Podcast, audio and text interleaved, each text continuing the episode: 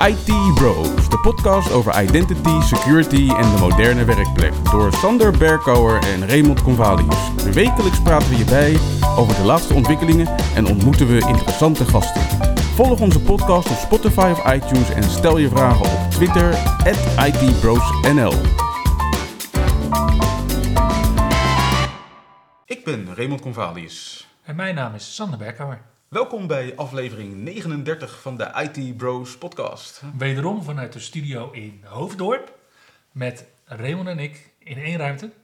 Met deze week het meest recente nieuws. De evenementen voor de aankomende week. En uiteraard weer een productiviteitstip.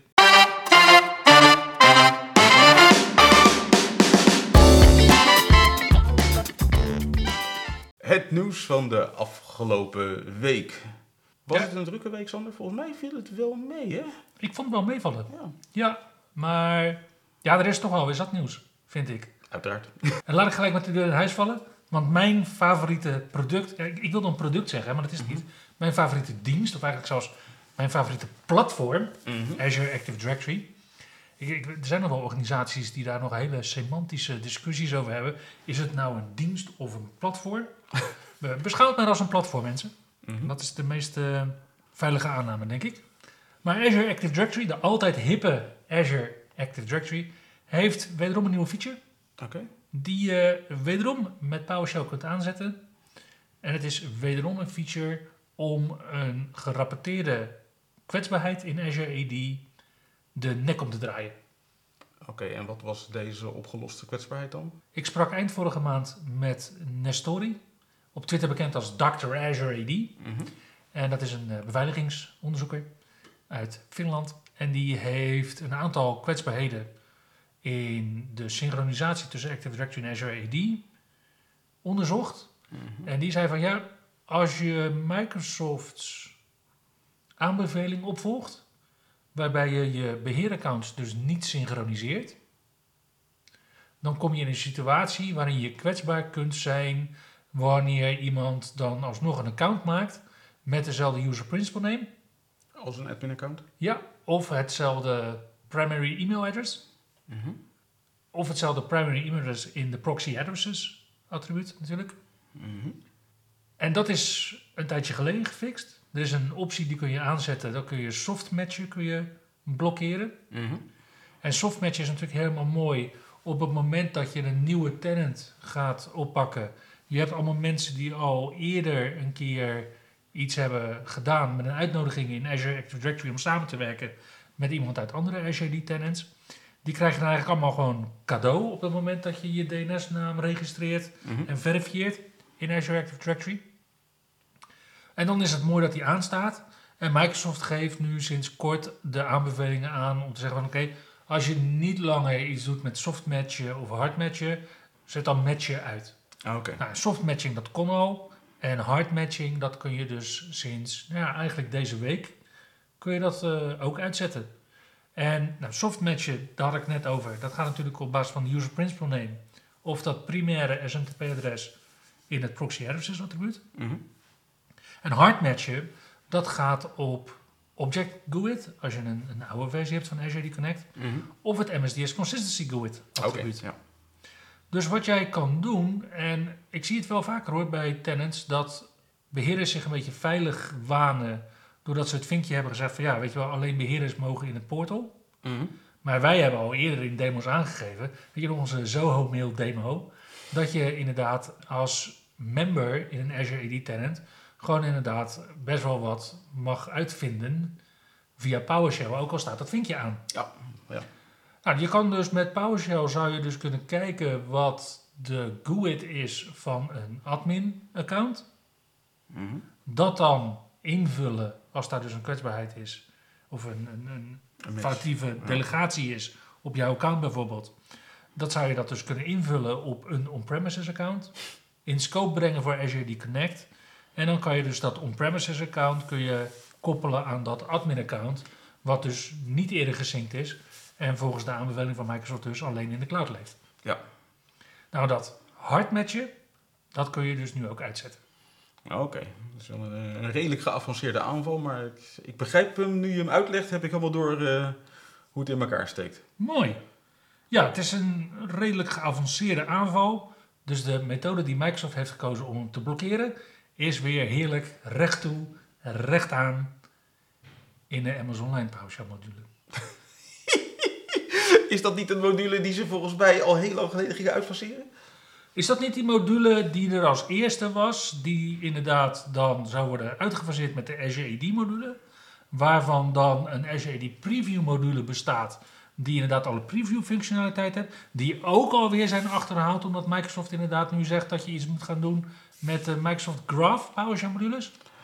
Ja, die module. Zucht. Oké. Maar goed, in de Amazon Line module heb je dus een getmin amsel dursync features en een set amsel dursync features eh, commandlet. Mhm. En die hebben ze dus gewoon nu uitgebreid met die functie. En wat je dus kan doen met set min amsel dursync feature is dat je block cloud object takeover through hard match kunt uitzetten. En het is een hele mooie aanvulling op de eh block softmatch optie die je via hetzelfde commandlet uit kunt zetten. Ik wacht totdat ze een keertje Scrabble uitbrengen met eh, features uit Azure Active Directory. Dan zou deze zou hoog scoren. De Block Cloud Object Takeover Through Hard Match, op het hard match option. Ja, ik denk dat je wel tot 192 punten kunt komen in Scrabble. Goed. maar Windows 11 heeft toch ook wel wat nieuws deze week? Ehm, nou ja, goed. Er is eh, voor zover ik weet in ieder geval nog geen nieuwe eh, eh, dev-beeld uit. Ik zag wel heel snel voorbij komen dat er een, een update uit is voor de, de, de bestaande dev-beeld. Maar ja, afgelopen week was het natuurlijk hot nieuws dat Android-apps eindelijk kunnen gaan draaien op Windows 11. Ja, die 50 apps. En toen had ook al iemand uitgevonden hoe je dan kon sideloaden inderdaad. Precies, en, en de volgende eh, primeur is dat iemand erin is geslaagd om de Google Play Store op Windows 11 voor elkaar te krijgen. Ja, want dat was een van de grote eh, haakjes en oogjes van dat subsystem voor Android. Dat als je een app hebt die dus gebruik maakt van eh, Google functionaliteit of Google Play Store functionaliteit, dat je die niet kan gebruiken. Precies, en er is dus nu iemand in geslaagd om, om dus die Google Play Store aan de praat te krijgen in het eh, Android subsystem voor eh, Windows 11. Hij heeft het ook helemaal beschreven. Ik heb de beschrijving bekeken. Ik heb er nog niks mee gedaan, maar het zag er wel uit als eh, geavanceerd voor mensen met de nodige Linux-kennis om hem aan de praat te krijgen. Want het begint met de installatie van subsystem voor Android. Gaat vervolgens door met het subsystem voor Linux. Daarna gaat het door met de installatie van de Ubuntu-distro. En vervolgens moet je een heleboel dingen doen vanuit ja, sudo in Linux om de omgeving voor te bereiden, zodat je de Play Store erop kan installeren. Oké, dus het is niet alleen subsystem voor Android, maar je hebt ook subsystem voor Linux nodig. Ja. Maar in ieder geval, ja, als dit nu kan, eh, weliswaar met een geavanceerde setup, dan kun je erop wachten dat er binnenkort een scriptje ligt en dat je ergens op de boek klikt en de hele handel draait. Ja, maar hoe zou dat dan qua ondersteuning vanuit Google en vanuit Microsoft zitten? Niet. ik kan mij zo voorstellen dat ze bij Google niet zitten te wachten op eh, Google Play Store op Windows. Maar ik kan me vergissen. Terwijl ze er bij Amazon natuurlijk wel op zaten te wachten. Ja, ongetwijfeld. Maar ja, goed, Google en Microsoft op de een of andere manier eh, ja, proberen ze elkaar zo nu en dan nog wel eens stevig tegen te werken. Ik kan me zo voorstellen dat ze bij Google er niet echt op zitten te wachten. Maar goed, we gaan het zien. We gaan het zien. We houden jullie op de hoogte en jullie horen waarschijnlijk in aflevering 78 hoe het is afgelopen. Ja, en als we het dan toch hebben over eh, eh, ja, zeg maar rivalry tussen Microsoft en Google, dan lijkt het erop dat Microsoft ook daar weer een stapje aan het zetten is. Het gerucht gaat dat ze bezig zijn met een budgetversie van de Surface Laptop. Oké. En dat moet dan dus een Surface Laptop worden die gaat concurreren met de Chromebook. Hmm. En als je weet dat een Chromebook pakweg een 300 à 350 euro kost, betekent dus dat ze echt, echt helemaal, helemaal onderin de markt eh, iets willen gaan neerzetten. Waar ze dan ook nog eens een keertje een aangepaste versie van Windows 11 op willen gaan zetten. Die vooralsnog bekend staat als Windows 11 SE. Nou, als ik dat hoor, dan, dan denk ik terug aan een debakel van een paar jaar geleden. Dat heette Windows 10S. Was niet Ja, dan- een succes. Dat klinkt alsof je blij bent dat je nu Bretels aan hebt. ja, inderdaad. Maar ze schijnen dus nu weer bezig te zijn met Windows 11 SE. En die Windows 11 SE, dat moet dus een, eh, ja, een Windows 11 versie worden die goed kan draaien op low-cost hardware. Dus, want het schijnt dus dat ze in die eh, low-cost service laptop een Intel Celeron N4120 gaan stoppen. Mhm. Met eh 8 gigram. Dat is dus niet een hele sterke processor. En dat daar dus Windows 11 soepel op moet gaan draaien. En of je daar dan ook Android op moet kunnen draaien eh, eh, eh, met Windows 11 SE, geen idee. Maar we gaan Ja, zien. als je een volwaardig alternatief wil bieden voor een Google Chromebook, dan zou dat wel moeten misschien. Ja, goed. Of het ook kan met die hardware en, en, een, en een soort van VM'tje zeg maar met Android erin. We gaan het zien, ik heb geen idee. Ik Ja, vind het spannend. klinkt wel alsof er mogelijkheden zijn. Ja, alleen ik heb wel zoiets van als Microsoft dan toch een service laptop als concurrent voor de Chromebook uitbrengt, waarom dan niet op een ARM-processor? Ja, wie zegt dat dit niet op een ARM-processor is? Nou ja, voor het gerucht gaat dat dat een Intel Celeron 4120 is. Ja, dan is het inderdaad geen ARM-processor. Nee. Microsoft zou ook zomaar kunnen kijken naar het idee van een Surface Laptop X. Ja, en ik denk dat dat dan waarschijnlijker is als Chromebook concurrent dan dit. Willen we nog eh, een gok doen eh, voor de naam? Hoe deze gaat heten? De Surface Flow? Geen idee. Surface Flow? Nee, in het Nederlands. Nou, we, hebben, we hebben al de Surface Laptop Go, toch? Dus ik weet niet wat ze hiervoor gaan bedenken. Ja, de Surface Laptop Flow. Ja, of zo. Zoiets. Ja. Zou zomaar kunnen. Iets met... eh, ja, ik denk dat ze bij marketing wel weer eh, helemaal eh, uit een paarse broek springen. Ja, abs- absoluut. Die, Ja, want jou doet het dus denken aan, aan Windows 11S. Maar ja, als ik de afkorting SE hoor, dan denk ik juist aan, aan Apple-producten. dat is ook toch zo, ja. Geen idee, maar ja, nee. Ja, nou ja, Service Laptop. SE. Surface Laptop SE. oeh. Met de specs van een paar jaar geleden. Ja, Ja, ja, inderdaad. ja ik zie het wel gebeuren. Zou kunnen. Zou kunnen. Ja. Speaking of the devil, Apple bracht afgelopen week een eh, nieuwe versie uit van eh, iOS 15, namelijk iOS 15.1. Tegelijkertijd met eh, de release van eh, de nieuwe macOS 12, oftewel macOS Monterey. Mhm. En daarin hebben ze wel wat leuke nieuwe features toegevoegd, zag ik. Ze hebben SharePlay in eh, FaceTime geïntroduceerd. En daarmee ben je in staat om je scherm te delen uit, van je iPhone. Ja? En je kan zeg maar samen met je FaceTime-maatjes kan je films kijken. Oh, cool. Ja, want. Netflix heeft ook zo'n soort functie inderdaad. Waarmee je ook met je maatjes samen kunt kijken. Maar ja, met, met SharePlay en met FaceTime kan het natuurlijk wel makkelijker zijn. Tenzij je weer een maatje hebt wat een Android-toestel heeft. Ja, maar volgens mij doet mijn zoon zoiets ook al met Discord tegenwoordig, als ze samen films kijken. Dus, Ja. eh, maar goed, eh, ook, ook Apple dus gaat dus mee in de vaart der volkeren wat dat betreft.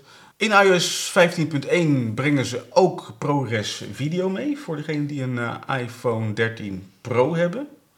En als je een iPhone 13 Pro hebt met minimaal 256 gigabyte RAM, eh, RAM, memory, zijn opslaggeheugen moet ik zeggen, dan eh, kan je ook in 4K ProRes opnemen. Oké, en ProRes video is zoals ik het altijd heb begrepen. We hebben natuurlijk ook al ProRes foto in, eh, in iOS.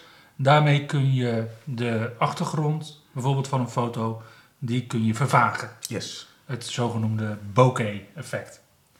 En met ProRes video kan je dat dus in je video's doen. Inderdaad. Wat heel professioneel oogt.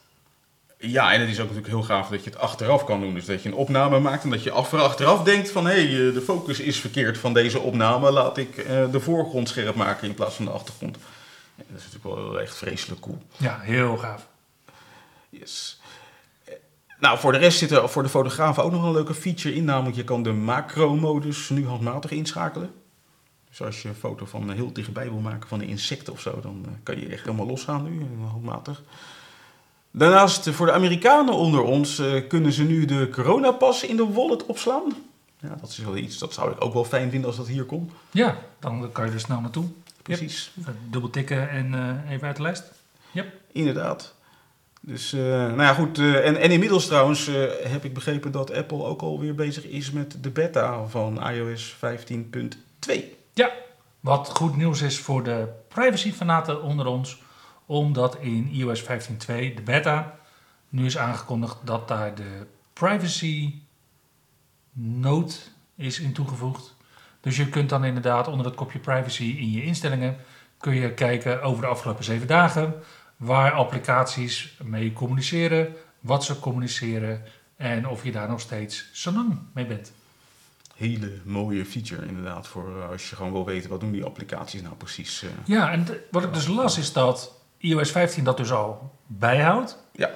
Maar dat je dus vanaf iOS 15.2 ook inderdaad een stukje grafische interface krijgt om het te consumeren. Precies. Ja, dat was dus zo dat er een JSON-file overbleef in iOS 15. Ja, goed, dat is voor de techneuten onder ons leuk, maar voor een, een gewone leek niet echt. Nee, En straks vanaf iOS 15.2 heb je gewoon een mooie viewer en dan kun je het keurig netjes het overzichtje zien.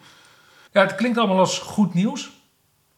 En ook in de wonderenwereld van de informatiebeveiligingsincidenten is er afgelopen week ook best wel wat nieuws. En Ja, is er ook best wel wat goed nieuws te melden. ja ik vond eh, het, ja, zeker zeg maar eh, halverwege dit jaar vond ik het verhaal over R-Evil vond ik echt het meest smeuïge hackersnieuws wat er was. Echt in tijden. Je had natuurlijk de, die, die legendarische hack met de Kaseya. Mhm. eh, in het eerste weekend van juli. En toen was er dus sprake van dat er een hackergroep aan het werk was, R-Evil. Die Mhm. had dus Kaseya gehackt. En, en, en doordat ze Kaseya hadden gehackt, konden ze alle klanten van Kaseya hacken. En met als gevolg dat 1500 bedrijven ongeveer eh, met ransomware te maken kregen. En vervolgens gebeurden er allerlei hele fishy dingen. Want R-Evil zei, oké, we hebben al die bedrijven nu geransomwared. En we hebben een generieke key voor iedereen en die mag je kopen voor 70 miljoen dollar. Alleen, ja, dat werd niet gedaan, dat kopen. Ongeveer twee weken later, op 13 juli, was R-Evil gewoon van de aardbodem verdwenen. Dus je kon die key niet meer bij hun gaan kopen. Want die key kon je zeg maar per server kopen of in één keer voor alle servers. Ja. Die was er gewoon niet meer. R-Evil was weg. Websites weg, service desk weg. Zou je denken, probleem. En eh, nou goed, eind juli kwam er vervolgens eh, voorbij dat Kaseya inmiddels beschikte over die key van 70 miljoen. En dat ze erbij zeiden van nou, we hebben er niet voor betaald. Ja. nog gekker. ja, hoe kom je er dan aan? Precies. Vervolgens, in september, kwam R-Evil gewoon weer online. Hè? Ze kwamen terug. Ja, we zijn even op vakantie geweest. Ja, dus dat, dat was een heel bijzonder verhaal aan het worden. En dat je denkt van, wat is hier aan de hand? En nu blijkt dus vorige week dat ehm, toen begin juli R-Evil offline ging... toen waren ze al gehackt door de FBI en consorten. Een hele Oh, teruggehackt. consortium is bezig geweest om R-Evil eronder uit te halen. Dat bestaat onder andere, begreep ik, uit de mensen van VMware en de FBI en nog een aantal andere partijen. En die hebben toen die key al bemachtigd. Alleen in eerste instantie hebben ze hem nog niet vrijgegeven om niet te laten weten dat ze R-Evil al gehackt hadden. Ja, net zoals in de Tweede Wereldoorlog toen ze Enigma hadden gehackt. Precies. Nou, en het, naar het schijnt is toen der tijd ook zeg maar, de voorman van R-Evil opgepakt. Ja. Unknown. Inderdaad, onder de naam Unknown. En ehm, zijn kornuiten die hebben dus kans gezien om ergens in september die servers weer online te brengen met een backup. Maar ja, wat dus normaal gesproken ook al vaak gebeurt met ransomware, is dat de backup besmet kan zijn. hè? Dat was dus ook het geval met de backup van R-Evil. Die ze dus vervolgens terugbrachten in september. Waarna ze dus nog steeds gehackt waren door FBI en consorten. En nu schijnen ze dus eh, definitief te zijn opgerold. Ja, ik vind het wel een hele letterlijke interpretatie van het werkwoord terughacken. Ja. Het is echt het playbook van die jongens en meiden zelf tegen ze gebruiken. Ja, inderdaad. Ja, en wat dus ook is gebleken is dat ja, in Amerika met name is men wel wakker geworden als het gaat om ransomware. Want eigenlijk toen in, was het in juni of mei dat, dat eh, Colonial Pipelines werd gehackt in Amerika. Yep. Sindsdien hebben ze in Amerika gezegd van dit is eh, nationaal, nationale security. En hier moeten we eh, het, het leger opzetten. Dus sindsdien is er een legereenheid die zich bezighoudt met het bestrijden van ransomware gangs. En, ja, en dan, heb je, dan heb je ineens een heel andere partij tegenover je als ransomware gang. Want ja, normaal heb je het inderdaad over één, twee of hooguit een groepje van tien beheerders die inderdaad onderbemenst een afdeling, nee sorry, die onderbemenst een netwerk in de lucht proberen te houden en eigenlijk met tien ballen proberen te jongleren. Mhm. En dan heb je inderdaad ineens ja, een georganiseerde organisatie tegenover je. Echt heel smeuig dat je gewoon een heel, heel hele lege eenheid tegenover je hebt staan. En, en die hebben dus nu kans gezien om R-Evil gewoon uh, ja, definitief de nek om te draaien. Het is klaar. Einde verhaal. Het is niet einde verhaal voor, voor, voor alle ransomware gangs. Dat bleek van de week wel weer. Want uh, inmiddels, uh, nou, het is naar het schijnt de NRA, de National Rifle Association in Amerika, gehackt. En um, ja, er is informatie van die organisatie verschenen op het dark web. NRA geeft nog geen commentaar. Ze hebben nog niet verteld of ze daadwerkelijk gehackt zijn, maar het heeft er tot nu toe wel de schijn van. En in dit geval zijn ze gehackt door een andere ransomware gang, die bekend staat als Grief. Ja, en Grief is een ransomware gang die hiervoor door het leven ging als doppelpaymer en daarvoor weer als bitpaymer. Ja. Maar waarschijnlijk gaan we daar binnenkort ook wat meer over horen. Want uh, ja, als er uh, gevoelige documenten van de NRA gaan uitlekken, dan denk ik niet dat ze daar blij mee zullen zijn. Nee, maar is dat dan iets wat ook een, als nationaal beveiligingsrisico zal worden gezien? De NRA? Uh, de datalek, het datalek op zich niet, maar als ze de boel gaan encrypten van de NRA, dan denk ik dat ze daar misschien wel vanuit de Rijksoverheid toch iets mee zullen doen. Ze zullen ze niet helemaal laten bungelen. Nee, nee, ik denk ook niet. Maar de vraag is natuurlijk of die speciale legereenheid uh, daar ook op af wordt gestuurd of niet.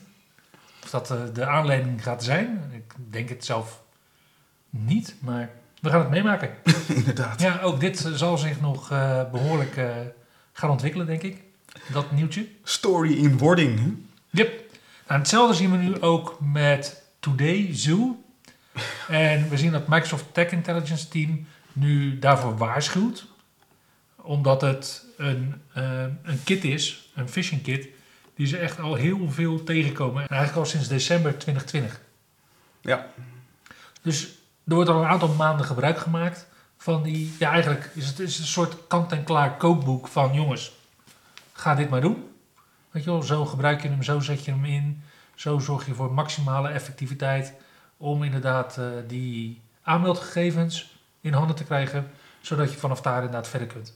Ja, ja die, die kit, die Today Zoo kit, dat blijkt dus een, een samengestelde kit te zijn. Die gewoon zeg maar allemaal verschillende hacking kits, componenten daarvan bij elkaar heeft gestopt. En, en waarmee ze dus echt gewoon heel geavanceerd ja, een, een phishing aanval op je kunnen doen. En, en eigenlijk specifiek gericht op Microsoft credentials. Dus die allerlei uh, ja, bekende loginschermen zullen voorschotelen. Waarvan je denkt van ik log in op Microsoft 365 bijvoorbeeld.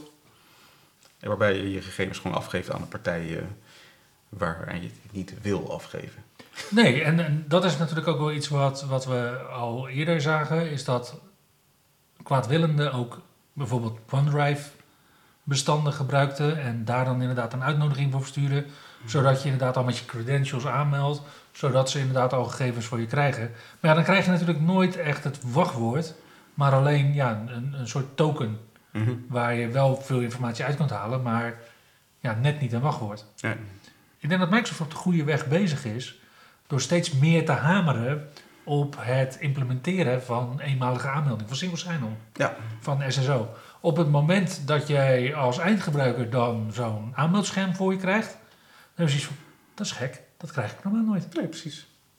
En dat zou precies de reactie moeten zijn die je dan krijgt. En dan ja, hoop je natuurlijk dat zo'n medewerker dan ook zegt...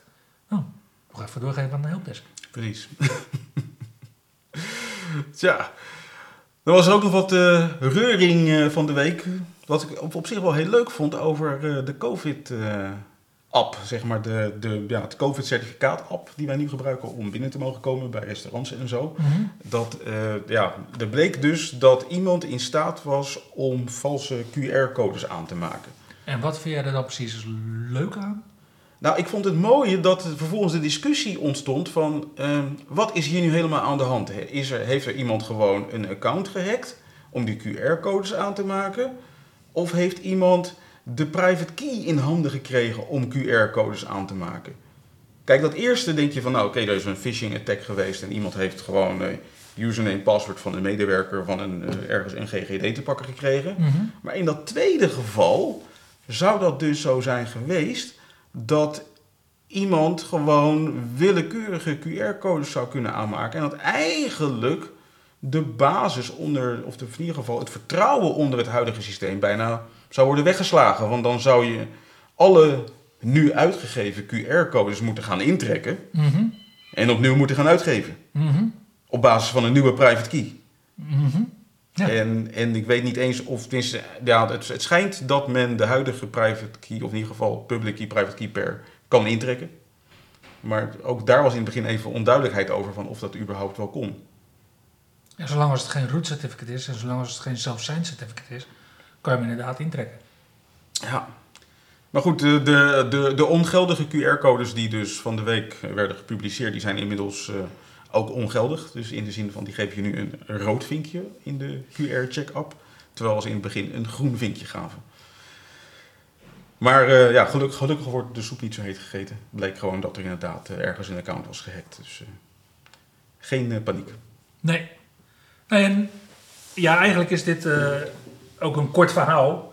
En ik denk dat degene die het verhaal op het spoor kwam, eh, er ook een kort verhaal van wilde maken. En daarom inderdaad het, eh, het Godwin-argument speelde. Godwin argumenten, leg uit. Nou, de QR-code die was aangemaakt was natuurlijk voor Adolf Hitler. Ja, Ja, op het moment dat je Adolf Hitler erbij haalt, dan is meestal wel elke discussie wel klaar. en dat noemen ze dan dus ook een, een, een, een, een Godwin-argument. oké. En eh, ja, ik zeg het in het Nederlands, maar het is natuurlijk naar aanleiding van een persoon met achternaam Godwin. Ja, het is natuurlijk wel een winnend argument. Een soort God mode. Ja, misschien is het wel gewoon een Godwin Ja. argument. Ik weet het niet. Ja, en eh, nou ja, goed, als laatste hadden we volgens mij nog een, eh, een, een, een mooi primeurtje van de, onze collega Matthijs Hoekstra. Die, die lekte zomaar een nieuwe functie in Outlook. En ik weet niet of het de bedoeling was dat Microsoft die nu al naar buiten zou brengen. Maar ehm degene die Outlook online gebruiken, dus de webapp van Outlook, die kennen de functie al dat je een duimpje kan geven op een, eh, op een bericht, mailbericht wat je ontvangt Mhm. als reactie. Ja. Nou, en die functionaliteit, die komt in een zelfs iets uitgebreidere versie binnenkort ook terug in de, zeg maar, full version van Outlook. Oké. Dat je met eh, smileys en eh et cetera terug kan reageren op een mailtje zonder dat je echt terug hoeft te mailen. En dat laatste weten we door het bericht van Matthijs. Ja. En wat ik ook begreep uit de reacties op dat bericht is dat men bezig is om daar een generieke mailstandaard van te maken. Dus dat dat straks ook gaat werken zeg maar, richting Gmail en andere Oké. mailapplicaties. Ja, ik, eh, ik ben fan. Hoe meer emojis, hoe beter. Nou, het scheelt, het scheelt mailberichten. Ja, Dan hoef je niet meer eh, oké terug te mailen, maar dan kan je gewoon een duimpje klikken en dan is het klaar. Dan weet, weet degene aan de andere kant dat je het mailbericht hebt gelezen en dat je, het, dat je je daarin kan vinden. Ja we moeten alleen nog inderdaad mogelijkheden hebben om dat ook sarcastisch te kunnen doen. Hmm. Misschien toch nog wat langer over nadenken.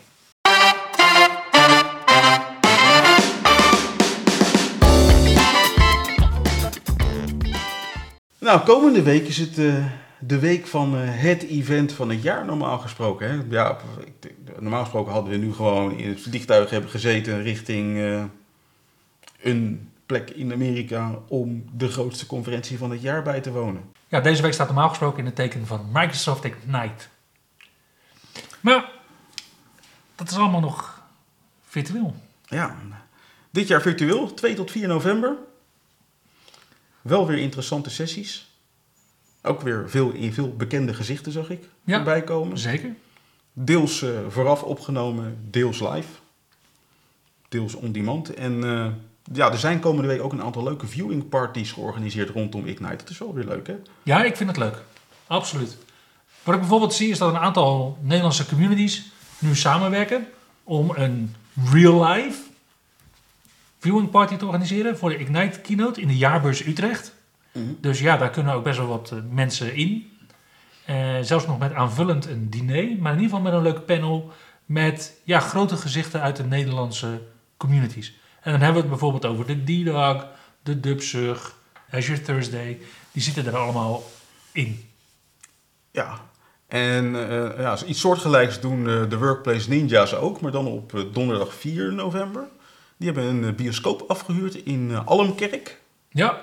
Waar ze ja, dus onder andere een, een, recap doen van Ignite. Waar er een presentatie komt over Windows Server 2022 door Ronald Bekelaar. Altijd de moeite waard. En ja, dat alles in servicebioscoop Hollywood. Ja, ja dat is midden in het weiland. Ongeveer halverwege tussen Dordrecht en Breda. Oké. Ik heb daar eerder al met de Workplace Ninjas. Ja, toen, was, toen heette het nog Wemug. Daar eerder een evenement uh, gedaan. Een hele luxe locatie, is leuk. En als je dan nog een virtuele recap wil meemaken, dan kan dat ook nog op 8 november van 7 tot 8. Dan host onze vriend, zou ik bijna zeggen, Steven Rose mm -hmm. van Microsoft een sessie waarin uh, Mary Jo Foley en Paul Turret uh, ja, de terugblik gaan doen op uh, ja, het nieuws uit uh, Microsoft Ignite. Ja, wat nu natuurlijk nog allemaal in nevelen gehuld is. Maar wat dan out in the open is, waar wij het natuurlijk volgende week ook over gaan hebben. En dan ja, wordt besproken. Is. En als Microsoft Ignite niet zo je ding is, dan zijn er toch nog wat alternatieven. Ja, als je bijvoorbeeld nog steeds in de zorg werkt. Allereerst gefeliciteerd met je bonus van 385 euro. Maar als extra bonus kun je ook van 2 november tot 4 november naar Zorg en ICT in de jaarbeurs. Een fysiek evenement wat wordt georganiseerd voor alle zorgprofessionals. En het enige wat je hoeft mee te nemen is nou ja, je corona-check app dan, of je bewijs. En je goede humeur. Oké, en als dat ook niet je ding is, dan kan je op 3 en 4 november naar infosecurity.nl, de Data en Cloud Expo. En ja, dat is een vakbeurs voor uh, IT Security, Cloud Computer en Data Management. Ongetwijfeld enige overlap met wat je kan verwachten op Ignite. Maar uh, ja, in de jaarbeurs, na de Ignite Viewing Party dus. Het wordt uh, druk in de jaarbeurs deze week. Absoluut. Gaaf. Als je denkt van ik wil toch nog op reis, om, omdat ja, ik bedoel, Ignite is uh, virtueel, dan kan je in de week na Ignite naar Black Hat EU. Oké. Okay. En die, dat is een, een, een, een, hybride evenement. Wat wordt gehouden uh, dus online en vanuit Londen. En ja, uiteraard Black Hat. Heel veel security, hacking. Kan helemaal losgaan. Yes. Dus dan hebben we inderdaad Ignite, hebben we Microsoft georiënteerd, we hebben hacking georiënteerd, we hebben zorg. Zorg. Ja, volgens mij hebben we dan iedereen. Ik denk het ook. Ja, ik denk dat iedereen wel aan zijn trekken kan komen qua evenementen volgende week.